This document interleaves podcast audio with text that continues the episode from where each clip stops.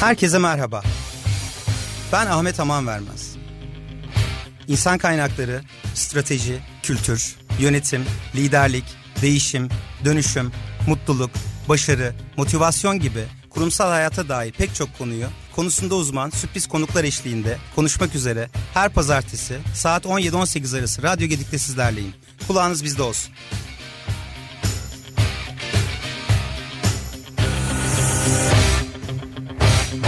Kurumsal yönetim başlıyor.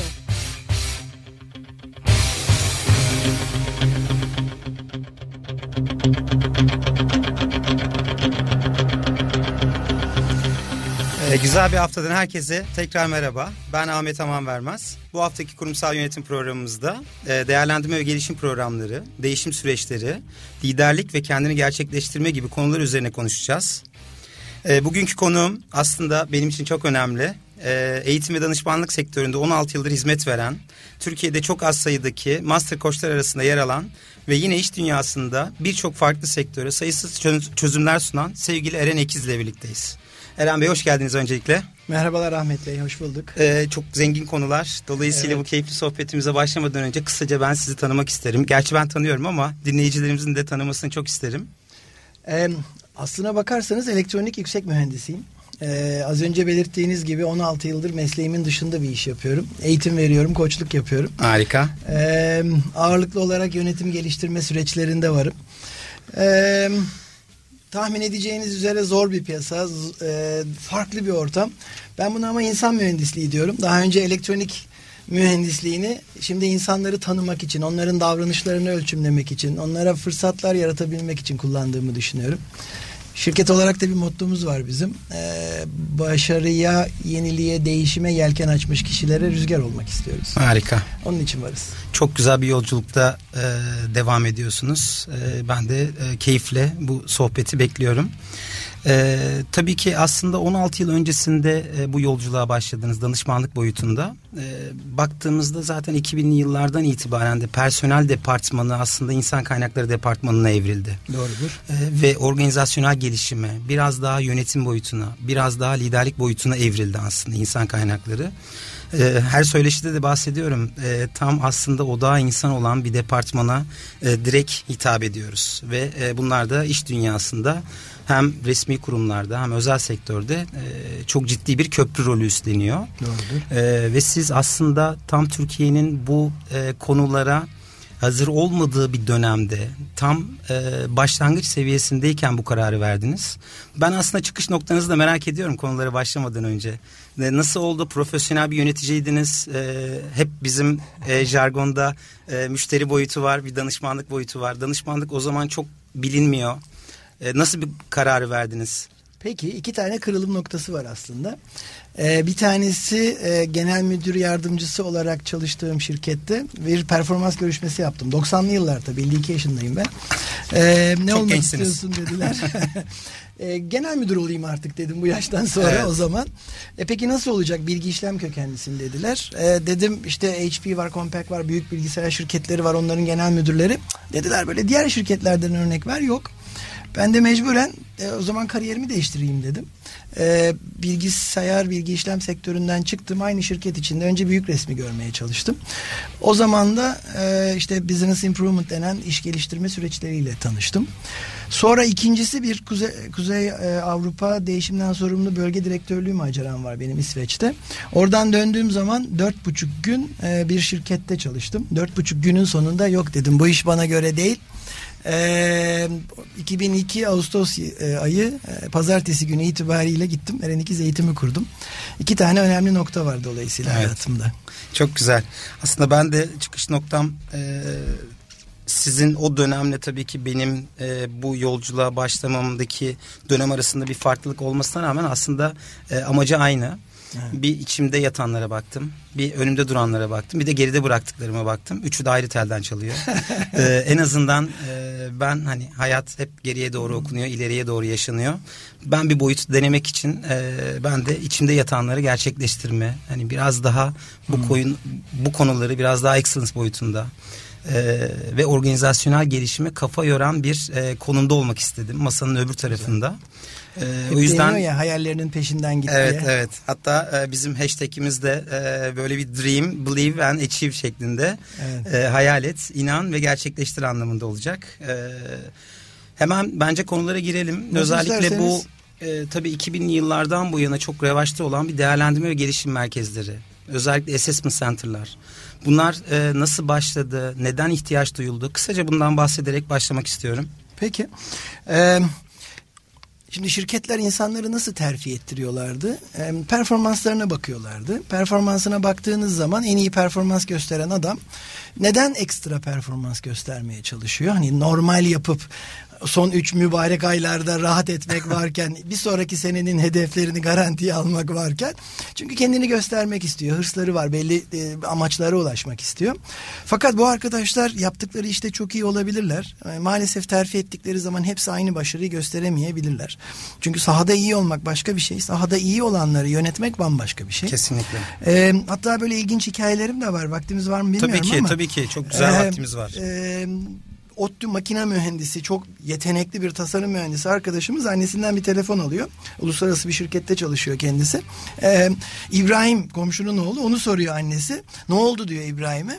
Ee, İbrahim diyor çalıştığı şirkette işte satışla ilgili bir pozisyona getirilmiş. Altına da bir araba vermişler. Eline de bir beri telefon diyor annesi. Oğlum diyor sen hala servisle gidiyorsun. Nerede hata yaptık biz diyor.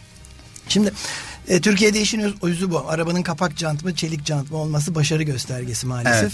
Öyle olduğu için de e, insanların hep böyle bir yukarıya gitme isteği var. Bulunduğu yerle tatmin olması mümkün değil. O olsa eşi olmayacak, annesi olmayacak.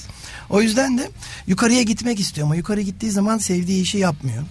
Ee, yönetimin getirdiği çok önemli angaryalar var. Onları yapmak zorunda. Ee, insanları motive etmek, geliştirmek, delegasyon, koçluk yapmak zorunda. Ee, orada sıkıntı yaşıyor. Bu sefer e, en iyi performans gösteren adamım yönetici yaptığım zaman e, çok iyi performans göstermeyen bir yönetici olarak ekibini de aşağı çekmeye başlıyor. Ee, bir de tabii başka bir boyutu daha var. En iyi performans gösteren arkadaşı yukarıya aldığınız zaman onun performans açığını ben nasıl kapatacağım? gibi bir soru var yöneticilerin aklında. Bu ikisi bir araya geldiği zaman e, orada sıkıntı oluyor. Ee, en düşük performans gösterinde zaten yaparsanız şirkette dedikodu başlıyor. Çok çalışmak değil, halı sahada kiminle maç ettiğin önemliye dönüyor olay. Evet, Öyle sahada. olunca da sah- aynen öyle ölen kiminle yemek yediğin Evet. önemli oluyor. Böyle olunca şirketler zor günler yaşadılar. Siz de biliyorsunuz iyi insan iyi yönetici diye bir kavram yok. En iyi arkadaşınız yöneticiniz oluyor E, ve kötü bir yönetici olabiliyor. E, ya da çok kötü e, yönettiğini düşündüğünüz bir insan şirket açısından en başarılı yönetici olabiliyor. Tüm bunları koyduğunuz zaman şirketler dediler ki rakamsal performans benim terfi süreçlerim için yeterli değil. Ben insanların yönetsel kapasitelerini de ölçmeliyim dediler. Ma- tabii ki ve maalesef yurt dışında başladı bu süreçler.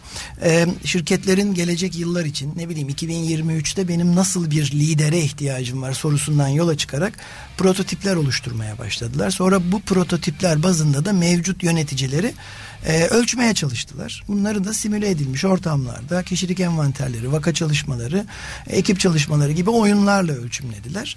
E, Yüzde yüz olmasa bile e, aynı cetvelle ölçümlenen dolayısıyla karşılaştırılabilir sonuçlar elde ettiler. Objektif, tamamıyla nesnel yaklaşımlarla. Kesinlikle son derece objektif. Dediğim gibi hani hastalıktı, canı sıkkın o anda telefon çaldıydı, 3-5 puanlık oynama yapsa bile toplamda e, diğerinde kıyaslanamayacak objektivite unsuruna sahip bir ölçüm metodu.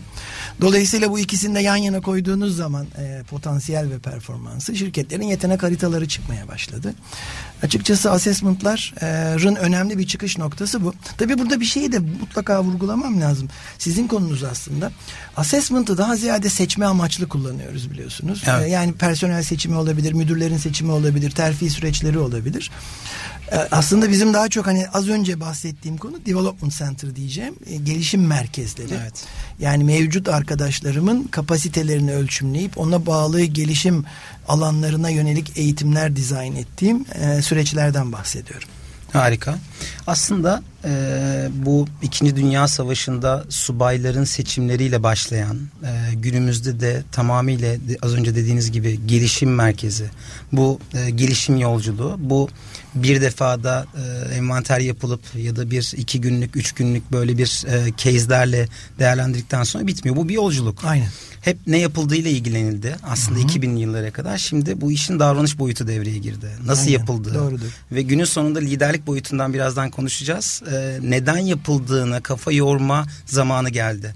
Aslında zamanın da e, bu e, iş dünyasının da geldiği noktada bunlar bir zorunluluk haline geldi. Kesinlikle. Yani bir lüks değil. Hani biz ekstradan bir bütçe ayıralım ve bununla ilgili çalışanımızı bir motive etmek için böyle bir program geliştirelim şeklinde olmuyor. Hayır. E, bu, bu konuda da belki biraz detay e, verebiliriz. Evet.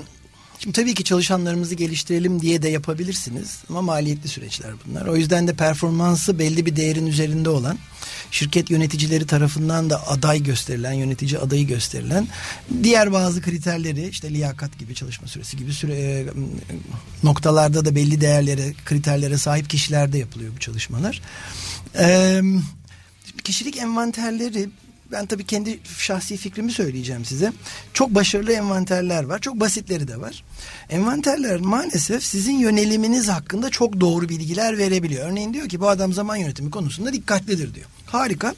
Ama siz ya zamanı nasıl yöneteceğinize ilişkin doğru araçları bilmiyorsanız niyetiniz Sizin iyi olsa iyi bile tabii ajanda tutamıyorsunuz. İşte e, takviminizi kullanamıyorsunuz. Planlamanızı, önceliklendirmenizi doğru yapamıyorsunuz ve hata yapmaya başlıyorsunuz. Şimdi bu, bu tür çalışmalar maalesef sonucu söylemekten bir parça uzak kalıyor. Ee, sonucu nasıl söylersiniz? E, gerçek hayatta bakarız. Evet ben bu adamın anketinde baktım. Zaman yönetimi konusunda dikkatli istekli olduğunu biliyorum. E peki uygulamaya bakayım. Bir planlama yaptırayım. Doğru yapabiliyor mu? E onu da yaptıysa evet bu adam hakikaten zaman yönetiminde başarılı derim. E, ama bunların ikisinden birinde sıkıntı olabilir. Yani evet. arkadaş yönelimi zamanı iyi yönetmek olmasa biraz hani ne bileyim rahat bir arkadaşımız olsa bile doğru araçları kullanarak zamanını iyi yönetiyor olabilir. Ben bunların hepsini doğru değerlendirmek zorundayım. Bu tür çalışmalar, assessment ya da development center'lar bu konuda bize e, önemli ipuçları sağlıyor. E, ve bugün büyük holdinglerimizin hepsi, büyük ölçekli şirketlerimizin büyük kısmı, bankalarımızın çok önemli kısmı artık yönetici yetiştirme süreçlerinde, e, aday seçimlerinde buna benzer araçları etkin olarak kullanıyorlar. Ee, bunları da kullanmak zorunda kalıyorlar aslında Mecburlar. baktığımızda. Şimdi e, bunların kullanım alanları da var. Az önce bahsettiğiniz gibi bu eğilimler ya da o anda envanteri doldururken ki ruh, e, ruh haliyle e, bir eğilim bir tendency yönlen e, gösteriyorlar. Doğru. Bu e, bu envanterlerin doğru ya da yanlış cevabı yok. Doğru. E, o andaki ruh haline göre, oradaki cevaplama eğilimine göre sizin adınıza bir otomatik oluşan e, bir aslında korelasyon diyebiliriz. Doğru. E, bunu destekleyici olması açısından da başka tool'lar da gelişiyor. Hı hı. E, değerlendirme merkezinde. E, daha öncesinde davranışsal olmayan mülakatlarla iş alımı yapılıyordu. Az önce dediğiniz gibi terfiler, atama terfi, görev değişiklikleri bu şekilde oluyordu. Yetmemeye başladı. Referanslar da devreye girdi. Sonrasında özgeçmişin iyi okunması, bunun üstüne kişilik envanterleri az önce bahsettiğiniz gibi. Üstüne bir yetenek testleri. E, sonrasında örneklem testleri gibi bunlar Araçlar arttıkça var. ve davranışı ölçmeye yönelik e, konularla fark yaratmaya başladı. Ben şöyle adlandırıyorum. Aslında 360 derece algı e, ölçümü yapılıyor şirketlerde. Evet. O biraz dün tarafını ölçüyor. Yani benim geçen hafta, geçen ay, geçen sene yaptıklarımın karşımdakiler üzerinde oluşturduğu algıyı ölçüyor. Bravo e, envanterler bugünü ölçüyor. Benim şu anki ruh halim ve hayata bakışımı ölçümlüyor. E, Assessment Development Center'lar ise e, gelecekte olası bir stres e, anındaki rol paylaşımında neler vaat ettiğimi ortaya koyuyor. Dolayısıyla bunun hiçbiri tek başına yeterli olmayabilir.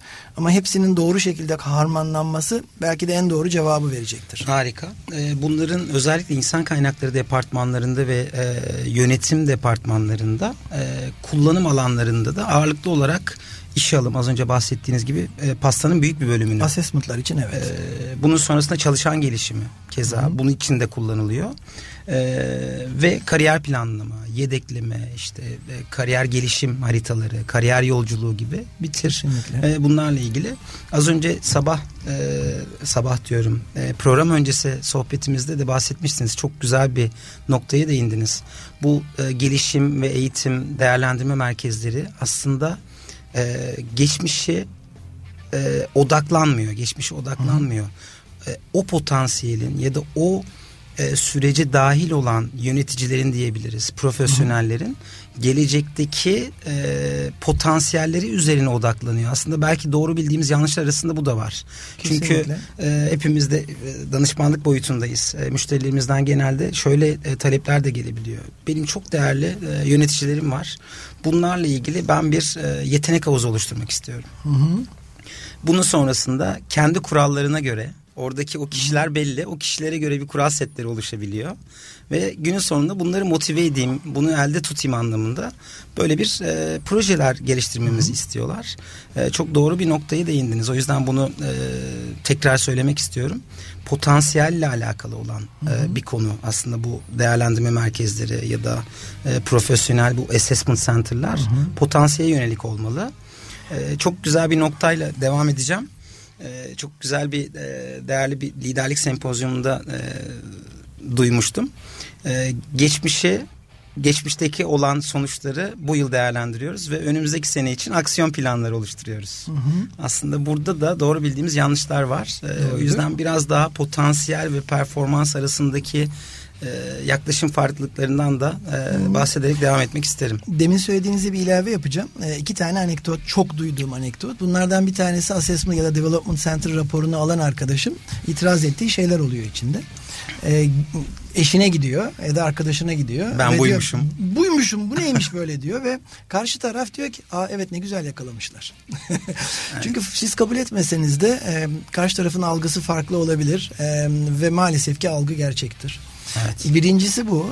İkincisi de şuna da çok rastladım. E, bu süreçten geçmiş, yönetici olarak atanmış arkadaşlarım daha sonraki eğitimlerde bir araya geldiğimizde ya hocam bunlar benim başıma hayatta gelmez dediğim, saçma sapan dediğim olayları işte müdür olarak atandım. Birinci gün karşımda oturuyor adam. Ve açtım dosyayı, oradan baktım, orada yazanları yaptım ve çözdüm. Teşekkür ederim diyenler oluyor. Sonuçta Harika. bunlar hayatın içinden alınmış örneklerle tasarlanıyor. Tabii ki çok farklı örnekler değiller. Potansiyel performans e, ayrımına gelince çok basit aslında. Performans dediğiniz kısım ne yaptınız? Yani sizin hedefiniz yüzdü ne gerçekleştirdiniz? Ee, burada çok bilinen bir e, kavram var. Hedefin yüzse ve sen yüz yapıyorsan bu aslında beklentiyi karşılıyordur. Evet. O amaçla İnsan, alınmışsın. Tabii tabii. Ee, yani varoluş amacını gerçekleştiriyorsun bu şirkette. Bizim maaşını ödediğimiz işi yapıyorsun aslında. Ama insanlar beklentiyi karşılayınca yani yüzlük hedefi tutturunca kendilerine hani beşlik skalada beş mükemmel olarak Gibi. değerlendiriyorlar. Böyle bir şey yok maalesef. Ne yazık ki. Çünkü o adama ben eğer beş verirsem e, yüzün üstünde performans alanın hakkını nasıl koruyacağım? Bu arada yüzün üstünde performans elde ederken diğer projelere katkı sağlayan, iş tanımında olmadığı halde farklı görevlerde inisiyatifler alan, öne çıkan adamlara ne yapacağım? Ya da altında kalanlar e, ne olacak? E, o yüzden de e, performansı da bu açıdan ele almak lazım. Yani performans beklentiyi karşılıyor. Bir de bunun üzerine çıkıyor. E, tabii ki altında kalıyor. Üç aşamada ele alabiliriz. Potansiyel dediğim şey de e, az önce sözünü ettiğimiz bugün değil. Ben şu anda senin nasıl olduğuna tabii ki önemli ama yönetsel anlamda bununla ilgilenmiyorum. Ben yarın olası bir terfi durumunda senin e, e, karşılaşacağın problemlerin olduğu, krizlerin olduğu bir ortamda senin nasıl davranacağını anlamaya çalışıyorum. Seneler içinde gördüğüm bir şey var. Özgeçmiş harika olabilir, mülakatı mükemmel olabilir. Ama insanlar stres altında bambaşka bir görüntüye bürünüyorlar. Kesinlikle. Kimisi yalana başvurmaya başlıyor, kimisi başka türlü yollara başvuruyor, kimisi sertleşiyor, kimisi agresifleşiyor, kimisi pasifleşip içine kapanıyor. Şimdi bunu böyle bir ortamda çok güzel görebiliyorsunuz. Çünkü stres ortamı yaratıyorsunuz. E, stres ortamında da işte 5 sene sonraki ideal bir yönetici de Nasıl anlarım ideal yöneticiyi? Bu şirket nereye gidiyor? Tepede bir vizyon var. O vizyonda nasıl yöneticiler? İşte çok uluslu şirketlerde çalışan bir adama benzeyen adama ihtiyacım var burada artık. Bu prototipi çiziyorum. Ve dediğim ortamda insanları o prototipe göre değerlendiriyorum. Tabi burada işte vizyoner demek yeterli değil. Onu alt bacaklarına kıracaksınız. Davranış boyutuna indireceksiniz ve vakalardaki davranışları ölçümleyeceksiniz aslında. E, o zaman da o prototipe birebir örtüyor örtüyor ama biraz ayar ihtiyacı var. Etek boyu tam tutmadı. Evet. Ya da maalesef içine bile girmedi dediğim üç farklı e, tarz çıkıyor. Buradan da meşhur e, Nine Box diye adlandırılan evet. dokuzlu grid çıkıyor. Management grid diye e, bilinen evet.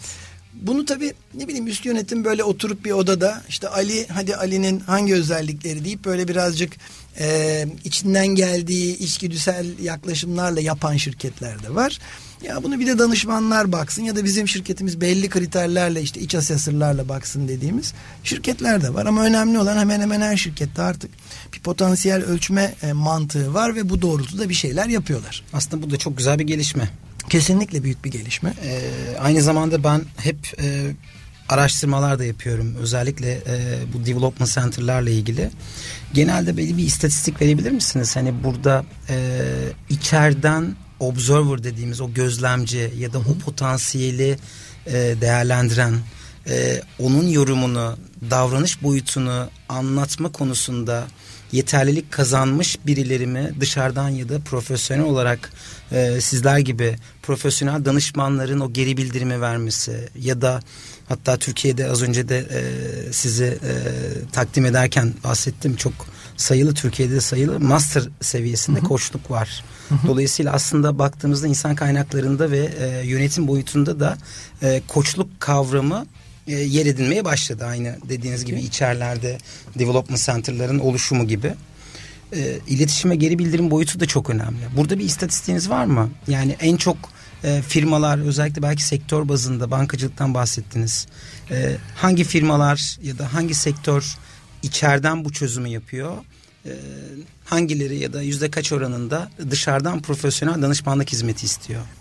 Yüzde elimde bir rakam yok bir kere onu söyleyeyim. Ee, çok da doğru olmayabilir çünkü yani bankanın bir tanesinin bin şubesi var bir tanesinin yüz şubesi var. Yani bankaya bakarsanız ikisi de eşit ağırlıkta ama adam sayısına bakarsanız ciddi farklar var. Evet. Hangi istatistiği almak lazım onu da bilmiyorum. Sadece şunu Hı-hı. söyleyebilirim. Banka özelinde söylüyorum. Ee, benim çalıştığım ya da e, tanıdığım bankaların içerisinde iç kaynak kullanan banka var. Ee, ben iki tane biliyorum büyük Hı-hı. bankalar arasında. Ee, tamamen dış kaynak kullanan banka var. E, iki tane de öyle biliyorum.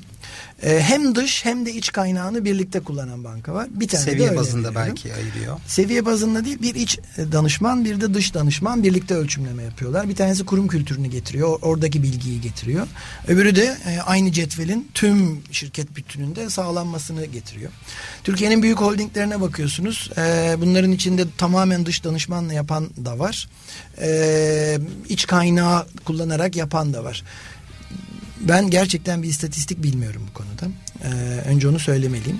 Ee, ikinci söylemek istediğim nokta da az önce e, bahsettiğiniz e, iç kaynak ya da dış kaynak kullanımının artıları ve eksileri neden, nelerdir? İç kaynağın en büyük artısı kurum kültürü. Yani bu kurumda yaşanan problemleri ben biliyorum. Ee, insanlar, ortam, e, karar alma süreçlerini ben biliyorum. Kültürü ben tanıyorum. O yüzden de aslında iyi yetiştirilmiş bir iç danışman çok iyi fikir. Hiçbir itirazım yok buna. Kötü tarafta neler var? Olumsuz tarafta.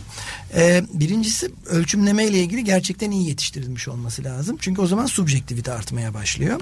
Bir de birden fazla iç danışman kullandığınız zaman hepsinin aynı cetvelde senkron ölçümleme yapmasını sağlamanız evet. gerekiyor ki bu sefer de yönetsel bazı kaygılar giriyor. Yani benim bölgemden kaç adam gidecek, senin bölgenden kaç adam gidecek gibi başka e, devre devreye giren süreçler var.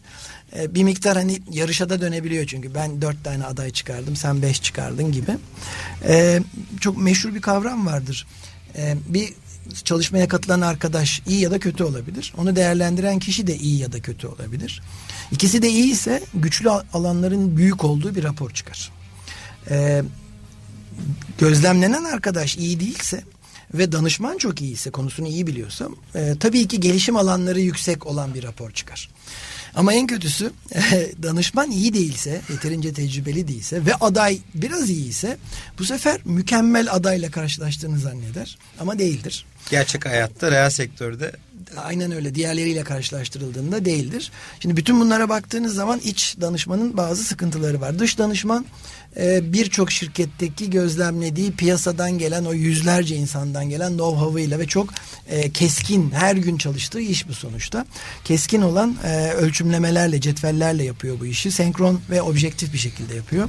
Bu onun artısı. E, ama şirket kültüründen uzak olabilir. Bu da onun eksisi. Bir de maliyet var tabii. E, aynı zamanda belki konuşmamız gereken bir konu daha var. Bence en önemlilerinden bir tanesi. Güven. Hı hı. Yani bu sisteme, bu programa bir güvenle alakalı Hı-hı. biraz daha iç e, kaynaklarla e, yapılan bu sisteme karşı çalışanlar ister istemez subjektif yapıyor. Hı hı. Değerlendiriyor. İçeride bir algı var hı hı. kendisiyle ilgili. E, dolayısıyla hı hı. o algıda e, ne yazık ki genelde nörobilim de bunu e, ilkel beyin üzerine örneklerini veriyor. Yüzde yetmiş negatif e, düşünüyoruz. Şey var ya inmiş sekize çıkmaz dokuza. Evet. Bir yerde bir hata yapıyor. Bir yer toplantıda olmadık bir laf söylüyor ve o artık onunla özdeş hale geliyor. Ve iç e, gözlemcilerde maalesef bunun etkisi oluyor. O adamı ben biliyorum diyorlar. Kara kutuya giriyor. Puanlar değişi veriyor. Dış danışman e, kesinlikle nötr. Hiç kimseyi bilmiyor. Evet. Ve bunu yönetmek için de eğitim almış zaten. Ve orada da zaten o algıları ya da gerçek hakikate dayalı e, o yorumlarını Hı-hı. tamamıyla objektif e, tool'larla söylediği için de aslında karşı tarafta bunu önemsiyor, Hı-hı. güveniyor ee, bununla ilgili sonraki adımlar için önerilerini de yapmaya çalışıyor. Az önce vermiş olduğunuz örnek gibi. Bazen 3 ay sonrasında bir stres anına karşılaşıyor. Kesinlikle. Belki bir sene sonrasında. Aa, işte Eren Bey zamanında demiştiniz iyi ki varsınız, iyi ki almışız bu süreci. Şu an tam olarak önemini anlıyorum şeklinde. Ee, Siz öyle bir benden yolculuk. iyi biliyorsunuz muhtemelen. İnsanlar genelde özgeçmişleriyle işe alınıyorlar. Evet. Ama maalesef bu davranışlardaki problemler yüzüyle işten yüzünden işten çıkarılıyorlar. Evet. Ee, aslında çok güzel bir örnek geçtiğimiz söyleşilerimizde de bahsettim. Bir karpuz alımına benziyor. İşe alım. vuruyorsunuz. Ses çok güzel, harika. Çok doğru bir seçim yaptım diyorsunuz. Ee, bir güvenle eve geliyorsunuz. Bıçakla e, ortadan ikiye kesiyorsunuz. Kıpkırmızı. Pırıl diyor ki harika. Çok güzel bir karpuz aldım. Ta ki tadana kadar. Tadınca belki kelek çıkıyor. Dolayısıyla aslında bunun dediğiniz gibi yüzde yüz ölçecek bir e, doğrusu yok. Öyle bir şey olsaydı iş alımda başta içeri girerken böyle bir süreç olur. Onun sonrasında herkes istediği departmanda, istediği yetkinlikte çalışabilir. Ahmet Bey bu konu burada başlar ama evliliklere doğru, ee, ilişkilere doğru kesinlikle, gider. Kesinlikle evet evet aynen Biz öyle. Biz assessment'ta kalalım. Evet assessment'ta limitlemek açısından e, ben biraz daha e, bu bir var olanın aktarımı aslında bir sonuç çıkıyor ya da geçmişle ilgili yapılan o e, değerlendirme merkezlerinde çok ciddi bir süreç. Hı hı. Bunun bir bütçesi var, bunun bir maliyeti var. E, bununla ilgili uzun vadede bir stratejisi var. Kesinlikle olması gerekiyor. Kültür diyoruz, geçmişle alakalı, strateji gelecekle alakalı. Bu köprü aslında baktığınızda. E, bunun e, hem doğru ölçmesi, dediğiniz gibi bu için profesyonel e, koçlarla, daha doğrusu danışmanlarla bunu yapabilmek için de e, iletişimin çok önemli olması gerekiyor. Doğrudur. Doğru aktarılması gerekiyor ve biraz da koçluk da e, buraya devreye giriyor. Sizin bildiğim kadarıyla 2500 üzerinde e, insanla birebir o yolculukta e, kişiyi ayna tuttuğunuzu biliyorum. Doğrudur. e, bu kapsamda bunun önemi hakkında da biraz değinip e, güzel bir müzik arası vermek istiyorum. Peki. Konumuz çok e, güzel şekilde devam ediyor. Peki şimdi güçlü kaslar ve gelişim alanları çok meşhur bir konu. Kişisel gelişim dediğiniz zaman insanların aklına gelen en önemli konulardan bir tanesi işte eksik yanlarımı fark edip bunları geliştirecek bir şeyler yapmak. Ee, ve değerlendirme merkezlerinde de, doğal olarak güçlü yanlarla beraber gelişim alanları da çıkıyor insanların. Ee, Şimdi bu güçlü yanlar bazen göz ardı ediliyor olabilir. Onu biraz sonra konuşuruz zaten sizlerle. Ee, ama bu gelişim alanlarının ne şekilde aktarılacağı e, en önemli konulardan bir tanesi. Niye özellikle buna vurgu yapıyorum? İyi bir şey söylediğinizde genelde problem yaşamazsınız. Ama evet. olumsuz bir şey söylediğinizde karşı taraftan dirençle karşılaşmak, kişiyi öz, üzme, motivasyonunu bozmak gibi riskler taşıyorsunuz. Bir de maalesef Türk yöneticilerinin en önemli zafiyetlerinden bir tanesi geri bildirim verememek. Özellikle olumsuz konularda geri bildirim verememek. Çok yaşadığım örnektir. Süpersin, harikasın, sen mükemmelsin, bir numarasın dedikleri çalışanlarının terfi süreçlerinde e, doğru geri bildirimleri zamanında veremedikleri için kişiyi değerlendiremeyen Hatta sırf bu yüzden assessment'lara gönderen e, ki başkaları söylesin onları diye yöneticilerin sayısı evet. gerçekten çok fazla var. Ve insanlara büyük haksız, haksızlık ediyorlar. Çünkü öğrendiği zaman çok geç olmuş oluyor artık. E, o yüzden de örneğin bir firmayla biz çalışacağımız zaman ben hep sorarım. Nereye kadar zorlayalım? Geri bildirimleri ne şekilde verelim diye. Ne kadar acıtalım? Kurum kültürü burada evet. çok önemli. Yabancı Tabii. kültürlerde geri bildirim çok doğal bir süreç. Mesela 360'lar orada çok iyi çalışıyor. İnsanlar objektif bir şekilde değerlendirme yapıyorlar. Var. Ama Türk şirketlerinde e, dün akşam halı sahada da maç ediyorduk. İyi çocuktur bu şeklinde muhabbetlerle. E, ya da dünkü toplantıda bana çok kötü çaktıydı. Şimdi sıra bende yaklaşımıyla değerlendirme yapan insanlar var.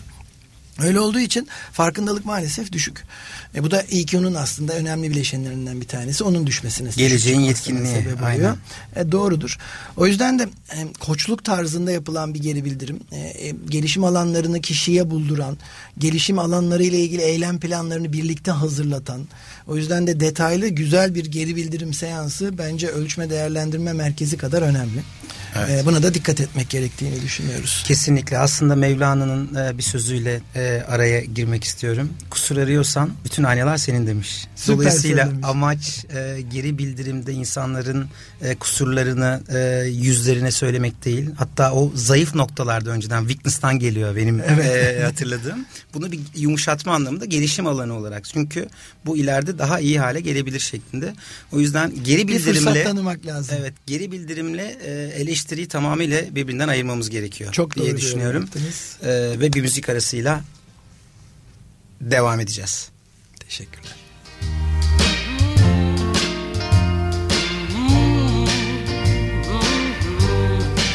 It's blowing, blowing, blowing.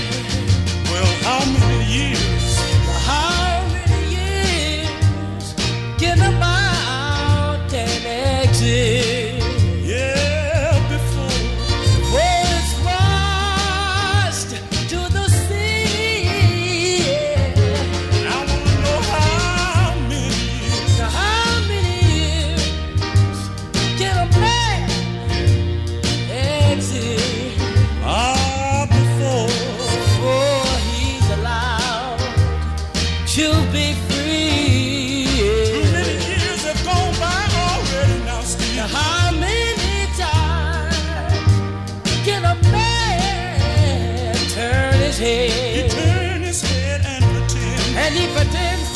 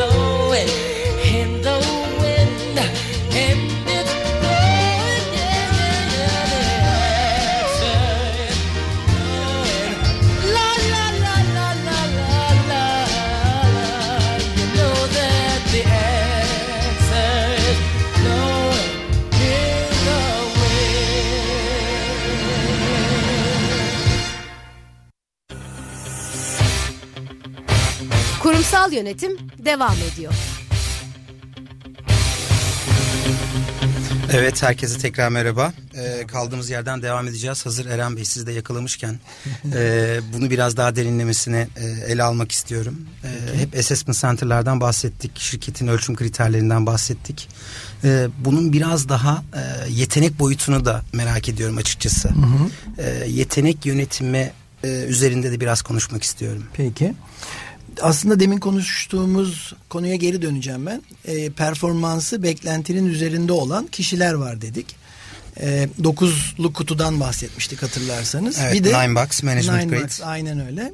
Bir de e, gelecekte olası bir pozisyon karşısına çıktığında ne yapacak e, diye ölçümleme yaptığımız ve potansiyeliyle ilgili yüksek potansiyele sahip dediğimiz arkadaşlar var. Araya girmek istiyorum. Tabii ki. Sadece örneğin e, bir terfi anlamında önünde bir kariyer haritası, kariyer e, basamağı olmasa bile elde tutmanın da e, tabii ki çok önemli olduğunu da ekstradan hani bu amaçla yetenek yönetiminin önemli olduğunu düşünüyorum. Bu yüzden e, ee, eklemek istedim. Kesinlikle. Şimdi az önce sözünü ettiğimiz bu yüksek potansiyele sahip ve yüksek performans üreten arkadaşlar bizim yıldızlarımız.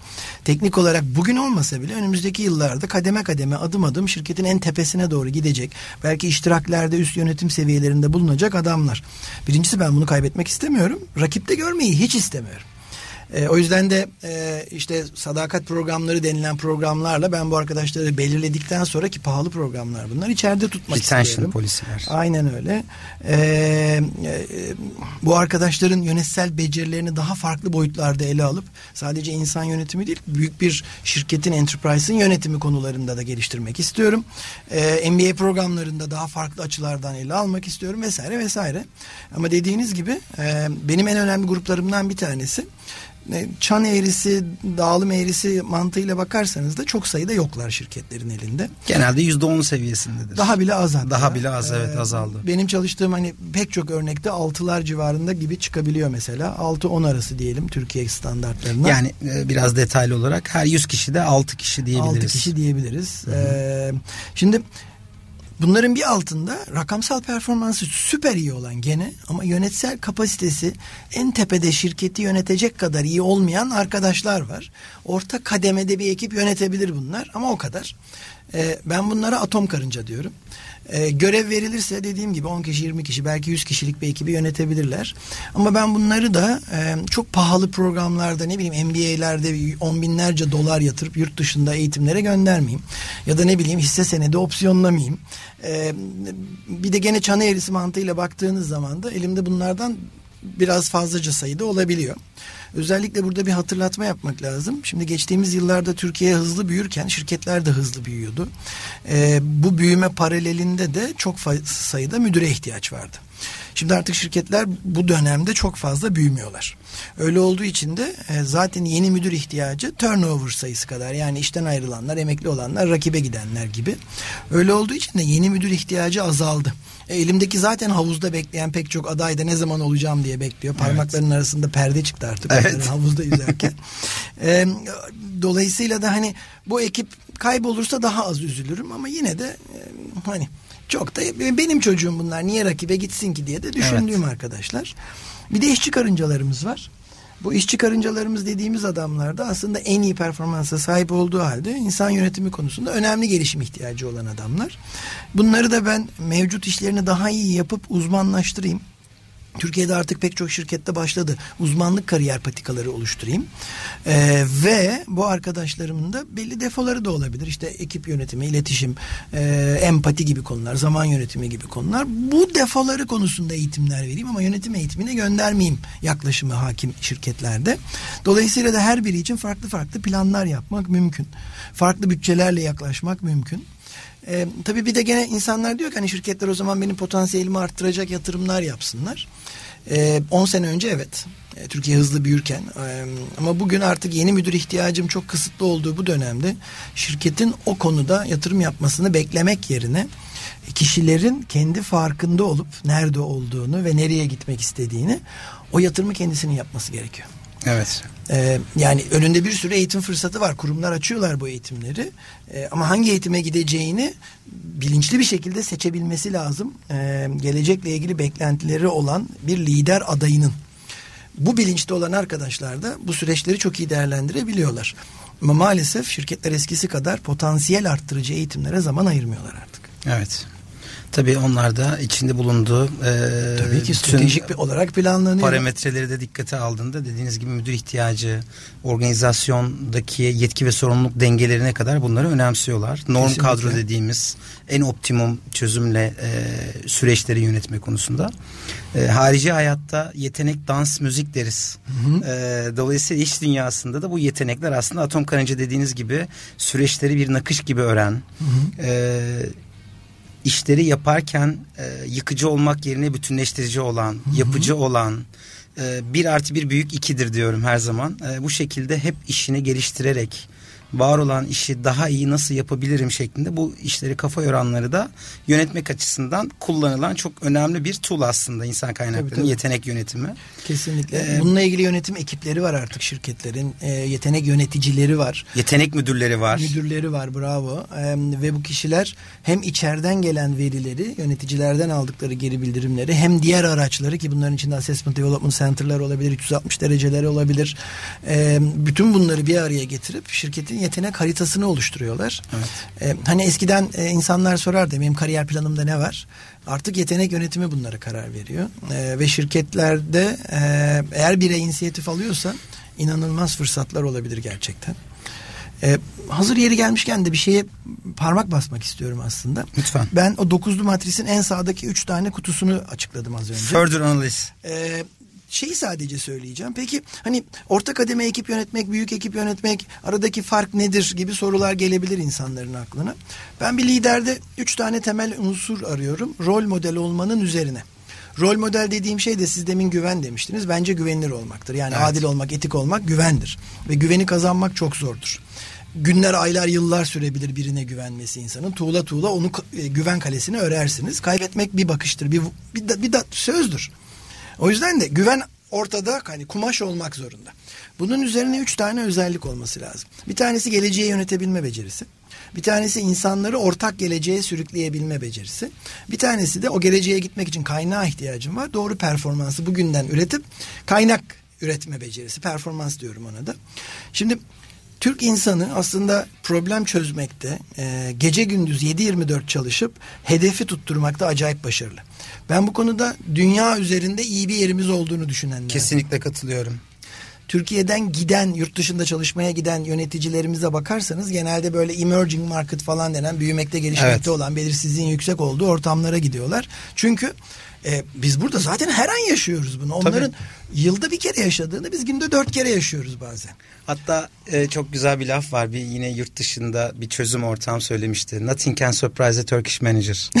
E, yani Türkiye'de e, zaten sürprizlerle beklenmedik Tabii, koşullara tabii. Her an, alışmış her an, olduğu her an. için herhangi bir e, ideal bir yönetici Türkiye'de gelişmiş bir yönetici bir müdür e, asla şaşırtamazsınız. Her türlü şeye hazır. Yok bir de çok çalışıyoruz. Yani hani altıda meşhur hikayedir. Tabii. Altıda telefon etseniz kimseyi bulamazsınız.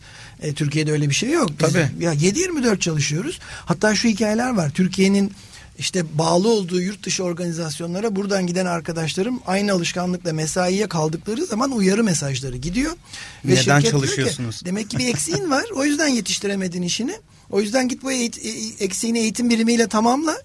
Bu, bu tür yazışmalar e, duyuyorum. ben. Evet. Ama benim e, esas değinmek istediğim taraf bu taraf değil dolayısıyla. Şimdi iletişim yani insanları peşinden sürüklemek ne bileyim satıştaki falan arkadaşlar biraz daha avantajlı. İletişim önemli çünkü satışta ikna müzakere ne bileyim doğru düzgün bir el sıkışma. Hani bunlar iyi yaptıkları konular. O yüzden oradan da gol yemezler. E diğerleri de iyi bir ekip çalışması içerisinde biraz gayret etseler gol yemezler. Mükemmel olmayabilirler ama. Fakat geleceği yönetmek bizim eğitim sistemimizde, yönetim sistemimizde hiçbir yerde neredeyse yok. Biz anı yönetiyoruz. Biz yangın söndürüyoruz. Bizim en iyi yaptığımız iş bu ama nereye gidiyoruz? Stratejimiz ne? Hangi hayale yelken açtık? Vizyonumuz ne? bunlarla kimse e, ilgilenmez. Biraz buradan da değinmek istiyorum aslında. Hani bunun asıl amacı ne? Hani özellikle e, şirketlerde hep duyduğumuz ne yazık ki web sitelerinde olan ama Hı-hı. hani şirketinizin vizyonunu biliyor musunuz, misyonunu biliyor Hı-hı. musunuz dediğimizde web sitesinde yazıyordu galiba. Bir kalite denetim Hı-hı. sürecinde böyle bir şey çalışma yapılmıştı Hı-hı. diye iletişim planları, duyuru planlarında falan yazılır. E, çok önemli bir nokta siz değindiğiniz. Biraz da bu vizyondan da bahsedebiliriz özellikle işveren boyutunda şirketlerin. Peki. Ee, şimdi vizyon bir hayal, gidilmek istenen yerin hayali. Ee, henüz e, görmediğim ama ulaşmayı hedeflediğim e, uzun soluklu e, bir yer. Gitmek istediğimiz B noktası aslında. Evet. Biz bu hikayenin A noktasındayız. Güzel. B bravo. noktası. Strateji de oraya nasıl gideceğimin yol haritası. Yolculuk, ve strateji evet. ara hedeflerden oluşuyor. Yani köşedeki ışıklardan sağa dön birinci hedef değil mi? Strateji çiziyorum aslında. Evet. İşte 500 metre sonra sola dön ikinci evet. hedef gibi. Bütün bunlar bir araya gelince ben o hayale gitmeyi e, umut ediyorum. Evet. Ee, tabii bu vizyonla ilgili de ben liderlik anlattığım zaman eğitimlerde az önce söylediğim gibi geleceği yönetmek diyorum. İşte bunun da bileşenleri bir tanesi vizyon, bir tanesi strateji. İnsanlara soruyorum aynen dediğiniz gibi yine vizyonu nedir şirketinizin? 20 kişiden 15 tane ayrı cevap geliyor. Ama hangisi diyorum? Çünkü sen o tarafa çekersen öbürü öbür tarafa çekerse nasıl aynı hayale gidiyor olacağız? Tabii ki gidemeyeceğiz. Ee, ben şuna inanıyorum. Vizyon gerçekten web sitesinde yazan bir cümle değil. Vizyon bir ülküdür bu ülkü herkes tarafından benimsenmediği sürece o bir vizyon cümlesi değildir. Ee, o dostlar alışverişte görsün diye işte ISO belgesinde bulunsun diye yazılmış güzelce böyle çalışılmış hoş bir cümle. Ee, ama vizyon o değil. Ee, yani Şöyle anlatayım. Çalıştığım şirketlerin bir tanesinde bir arkadaşım müdür olarak atanıyor süreç e, gelişim süreçleri içerisinde. Atandığı birimde e, ekibi bir hafta içinde akşam böyle vakti pizza ve kola ısmarlayıp bir diyor sohbet etmek istiyorum sizinle. Çıkıyor diyor ki e, Martin Luther King'in meşhur bir konuşması var. I have a dream diye başlayan biliyorsunuz. evet. Diyor ki benim bir hayalim var diyor. E, diyorlar nedir? E, diyor ki bu ekibi diyor 8 milyon bu arada büyüklüğü. 18 ay sonra 100 milyon büyüklüğe çıkarmak istiyorum diyor. 8'den? Diyor ki, tabii tabii ama attı ha. 8 lira 100 lira diyor ki benim diyor hayalim diyor bunu 8'den 100'e çıkarıp burada ikinci birimin açılmasını sağlamak diyor. Şimdi muhtemelen millet diyordur ki bak bir de kendi kendimize rakip oluşturuyoruz. Diyor ki benim diyor bir hayalim var diyor. Bu ekibi diyor 18 ay sonra 100 milyon büyüklüğe ulaştırıp bu şehirde ikinci bir ekibin oluşturulmasını istiyorum ki diyor. O ekip diyor bu ekip için bir sonraki kariyer hedefi olsun diyor. Benim buradaki operasyoncum oraya operasyon yöneticisi gitsin diyor. Benim buradaki e, satış elemanım oraya müdür gitsin diyor. O ekibi buradan çıkaracağız. Var mısınız diyor. Bence vizyon budur. Kesinlikle. Yani herkesin kendi içinden bir şeyler bulduğu, e, buradan ayrılmadığım sürece başka tarafa geçmediğim sürece kariyerimde bir adım bile öteye gidemeyecekken şimdi bir fırsat var denemezsem zaten gidemeyeceğim ama ya olursa dediği o orta noktayı bulmaktır. İşte ilk hedefiniz Akdeniz'in o ülküsüdür özgürlük için koşmaktır ee, ve bunu çok az yönetici sağlayabiliyor. Bu illa şirketin vizyonu olması gerekmiyor. O ekibin de bir vizyonu olması lazım. Ve o hedeflerin ötesinde bir yer olması lazım diye düşünüyorum. Kesinlikle. Ee, Strateji ondan sonra detay zaten onu oturup planlamak, sürekli revize etmek, güncellemek gerekir. Çok güzel aslında yani değindiniz. Hani ben de e, özellikle eğitim süreçlerinde, eğitim akademisinde sıklıkla e, dile getiriyorum. Özellikle kültür ve strateji arasındaki farkı, dediğiniz gibi strateji ile vizyon arasındaki o köprüyü e, çünkü strateji görselleştirmediğiniz sürece rafta kalıyor. Hı hı. O içselleştirme dediğimiz 1500 yıllarda e, Confucius söylemiş. Bana göster, hatırlarım, e, bana anlat, unuturum, hı hı. E, beni dahil et, anlarım ve e, bu işin e, içselleştiririm anlamında. Hı hı. E, dolayısıyla kesinlikle eğer bir vizyondan bahsediyorsak o strateji strateji besleyen bir e, köprü olması gerekiyor. Doğrudur. E, çok güzel aslında futuristler de söylüyor. E, geleceği öngörebilmenin en iyi yolu onu yaratmaktır. Kesinlikle. Bir vizyon, bir strateji, bir liderden bahsediyorsak o gelecekle ilgili o vizyonu, vizyoner bir yaklaşımı olması gerekiyor ki e, büyük marketleri açılsın. Benim bu noktada bir de değişim eklemem lazım. Ee, evet. İnsanlara soruyorum değişime uyumlu olmak bir liderlik meziyeti midir, vasfı mıdır diyorum. Ee, evet diyorlar. Kesinlikle değildir. Çünkü değişime uyum göstermekten bahsediyorsanız birileri bir şeyleri değiştirdi. Siz ona uyum gösteriyorsunuz. O lider sen takipçisin demektir. Evet. O yüzden de benim bunun ötesine geçmem gerekiyor. Jack Ma'nın e, Ali Baba'nın kurucusunun çok meşhur bir lafı var. Çatını hava güneşliyken aktar diyor Biz ne zaman değişimi düşünüyoruz? Ne bileyim patronla iyice papaz olmuşuz. Artık yaşanmaz Kriz hale anında. gelmiş. Evet. E, eşin seni aldatmış. Ne bileyim ben ev sahibin evden çıkarıyor. Ev zaten rutubetten, pislikten görünmüyor. O noktada değişimi düşünüyoruz. Artık çok geç zaten. Evet. Her şey yolunda giderken bizim biraz daha uzun soluklu bakıp bir dakika nereye gidiyoruz? Bu yokuşun sonunda ne varı görüp onunla ilgili işler yolunda giderken hareket etmemiz liderlik meziyeti. O yüzden e, changeability diyorlar buna yabancılar. Aynen. Değişimi başlatabilme becerisi. Evet. Günümüzün önemli liderlik meziyetlerinden bir tanesi. Bu noktada şeyi eklemek istiyorum ben. Şimdi şirketlerin hayalleri var. İnsanların da hayalleri var aslında. Şirket ne bileyim ilk beşe girmek istiyor. Avrupa'da bir numara olmak istiyor. Türkiye'de en karlı olmak istiyor vesaire vesaire. E, sen de iki oda bir salon evden üç oda bir salon eve gitmek istiyorsun. Evet. Ne bileyim küçük bir arabadan daha güzel bir arabaya ya da kariyerinde normal bir çalışanken ekip yöneten birisi olmaya geçmek istiyorsun. Ben buna bulutların üzerindeki şato diyorum. Herkesin hayali var, şirketin de hayali var. Ee, iyi haber önümüzde bir yürüyen merdiven var. Bulunduğun noktayla o hayal arasında kocaman bir yürüyen merdiven var. Harika. Ama kötü haberim de var. Bu merdiven zaman geçiyor ya aşağıya doğru inen bir yürüyen merdiven. Saatte 10 kilometre hızla örneğin aşağı doğru iniyor. Sen zaten bir şey yapmazsan günümüzde artık o merdiven seni alıyor tak tak tak otoparka oradan da binanın dışına hemen götürüyor. Hemen anında atıyor. O abiler bugün aramızda değiller. Şimdi insanlar soruyorlar diyorlar ki hocam diyorlar ben üst kata nasıl çıkacağım? Çok çalışıyorum mesai yakalıyorum e, yeni şeyler öğreniyorum e, bazen eve gidemiyorum çocuğumu göremiyorum hafta sonu eğitimlere geliyorum. Ne zaman çıkacağım diyorum diyor ben de diyorum ki hiçbir zaman. Çünkü bütün bu yaptıkların çok önemli bir e, amaç için var. Burada var olmanı sağlıyor. Bunu yapabildiğin için bugün bu koltukta oturuyorsun. Bunu yapabildiğin için maaş kazanıyorsun. Ama bunu herkes yapıyor zaten. Eğer yukarıya onlardan önce çıkmak istiyorsan merdivenden 10 kilometreden daha hızlı koşmanın yolunu bulman lazım. Bunun için de fark yaratman, değişim başlatman. Onların yapmadığı bir şeyleri onlardan önce yapman lazım. Aynı şey şirketler için de geçerli. Diğerinin yaptığını yaptığın zaman ancak takipçi olabiliyorsun. Farklı yeni bir şey getirdiğin zamansa o zaman fark yaratıp öne geçmeye başlıyorsun. Farkını ortaya koyman lazım. Tabii ki. Çok güzel. Aslında bu konu e, uzadıkça uzar çünkü çok keyifli, çok böyle bir e, gerçekten çok güzel bir dinleti e, gibi geliyor. E, muhtemelen dinleyicilerimize de öyle geliyordur. Dinleyicilerimiz bakalım ne diyecekler. E, ben eminim o konuda hiçbir şüphem yok. Çünkü çok e, güzel böyle bir farkındalığı yüksek bir dinleyici kitlemiz var. Süper. E, bu kapsamda aslında siz bir profesyonel koç olarak profesyonel hem yönetim danışmanlığı kapsamında hem bu eğitim süreçlerini kafa yoran dediğiniz gibi kuzeye giden gemide güneye e, gidenler değil tam aksine o değişimin hızından biraz daha hızlı olmanız gerektiği konusunda ciddi kafa e, yoran e, değerli bir Teşekkür e, konumdasınız. Tavsiyelerinizi de almak isterim. E, belki doğru bilinen yanlışlar var, klişeler var, yanlış bilinen. Bunlarla ilgili e, tavsiyelerinizi, önerilerinizi de almak isterim. şirket için ya da birey için çok birinci tavsiyem benim. Ee, şöyle anlatayım size. Fotoğraf çektiriyorsunuz e, vize resmi için. Böyle garip bir gülümsemeyle bakıyorsunuz ve çok berbat bir fotoğraf çıkıyor. Şimdi bu tür e, değerlendirme merkezlerinde örneğin insanlar e, olmadıkları gibi davranmaya çalışıyorlar. Eksik yanlarını daha farklıymış gibi göstermeye çalışıyorlar. Ben genel hayat için şunu söyleyeceğim. O merdivende rakiplerinden yukarıya onlardan önce çıkmak istiyorsan e, eksik olduğun bir konuda öne geçmeye çalışarak e, rekabet avantajı yaratma ihtimalin sıfır. Çünkü eğer e, strateji o özelliği öne çıkarıyorsa, o konu önemli bir konuysa ve sen de zayıfsa maalesef ki o konuda iyi olan rakibin atı alıp Üsküdar'ı geçecek, sen arkadan el sallayacaksın. Senin öncelikle şuna karar vermen lazım. Ben nereye gidiyorum? Şirketin vizyonu içinde benim vizyonum ne? Paralellik nerede kurabiliyorum?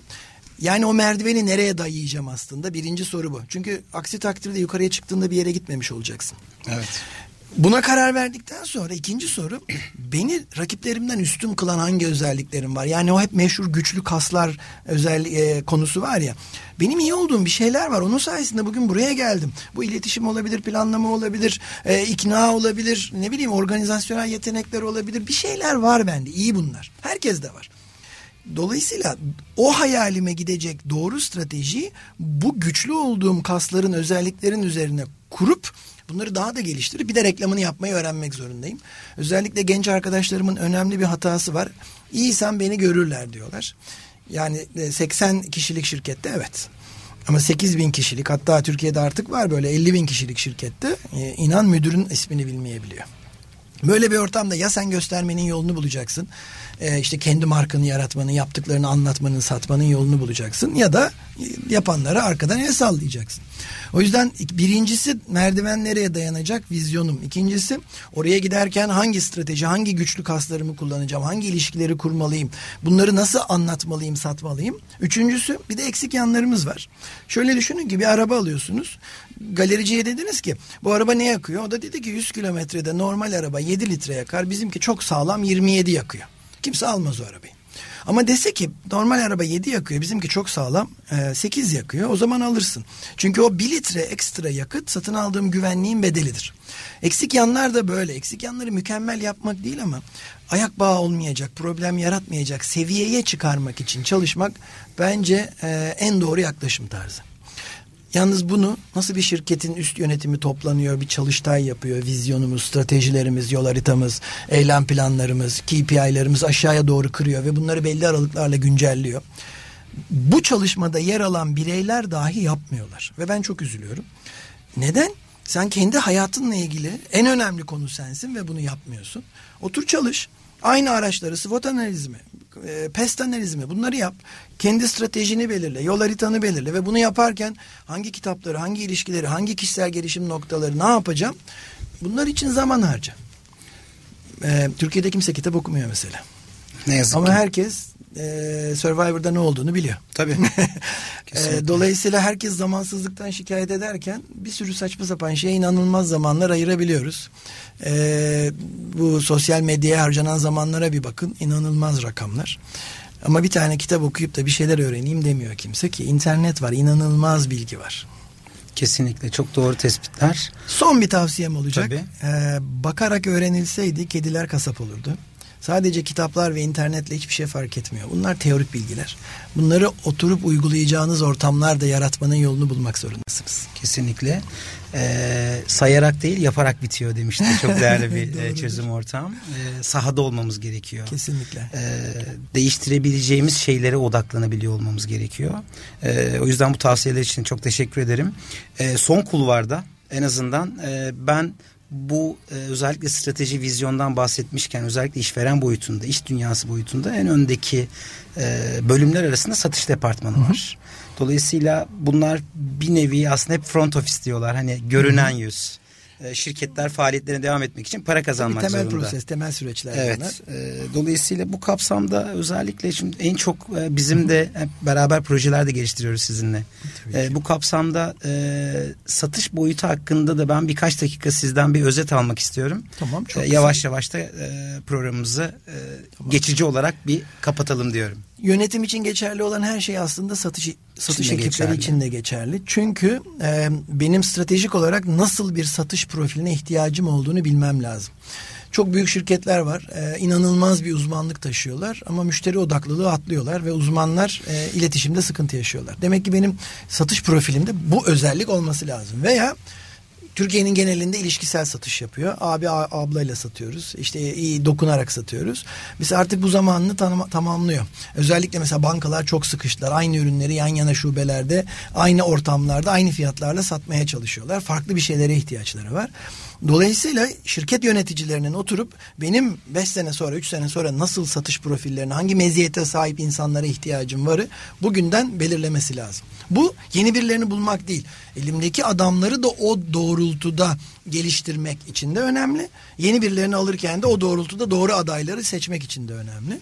Bunları gene assessment e, çözümleriyle yapabilirsiniz. E, yeni müşteri, mevcut müşteri, problemli müşteri vakalarında ben bu arkadaşları görürüm ne bileyim hayırdan yılmayan e, yılmadığını iddia eden bir arkadaşımın orada e, hayırı duyduğu anda e, kös kös ayrılmasını ölçebilirim. Aksi takdirde kimse bunu söylemez. E, kişilik envanterleriyle bunu destekleyebilirim. Bunun neticesinde de ben şirketimin satış açısından yetenek haritasını oluşturabilirim. Bu arada bu satıcıların hangisi yarın insan yönetmeliği de belirle, belirleyebilirim.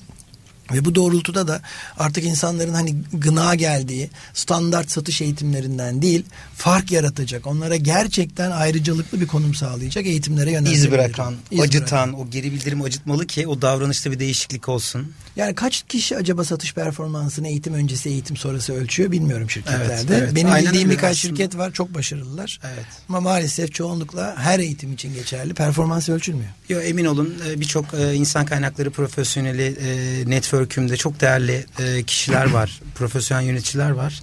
Artık oraya doğru e, dönüyor. Kesinlikle. Yıllar öncesinde e, bir dizayn edilmiş bir eğitim aslında tekrarlanmıyor artık.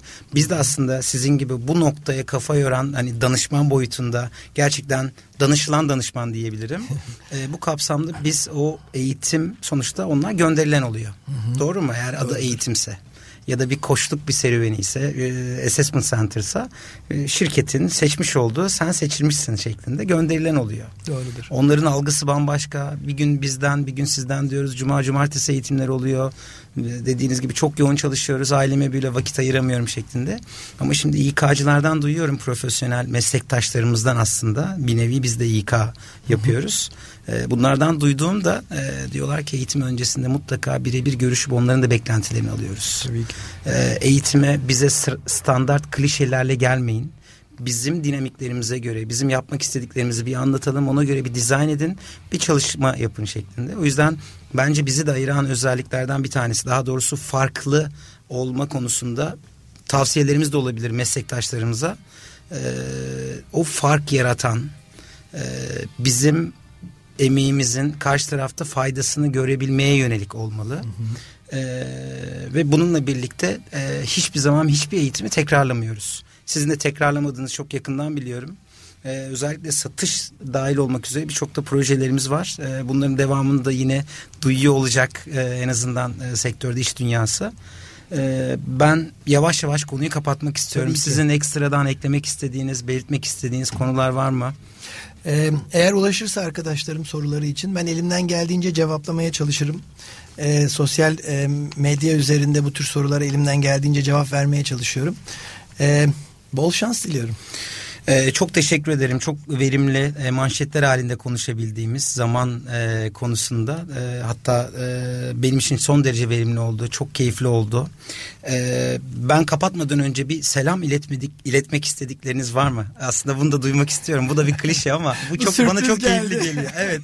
E, ben bunu e, istiyorum aslında selam e, vermek istedikleriniz varsa. Tabii ki kızım Ece, oğlum Alp, e, eşim Yaprak, e, çalışma arkadaşlarım e, Oytun, Gözde, Damla, Vuslat, Meltem, Ahenk. Biz bir ekibiz. Hep birlikte mücadele ediyoruz. Harika. E, bize yakın markajda destek veren Cem ve Haşmet arkadaşlarım. E, çok şey öğreniyorum onlardan da. E, bence öğretmenin en güzel yanı öğrenmenin de bitmediğini fark ediyor olması insanın. Lifetime student. Evet. Aynen öyle. Sonuna kadar öğreneceğim. Okey. O zaman güzel bir hashtagle kapatıyorum. Ee, hayal et, inan ve gerçekleştir diyelim. Çok teşekkür ederim Hep Eren Bey. Ee, Ben bugünkü konuğum olduğunuz için. Ee, hoşça kalın sevgili dinleyiciler. Hoşçakalın. Kurumsal yönetim sona erdi.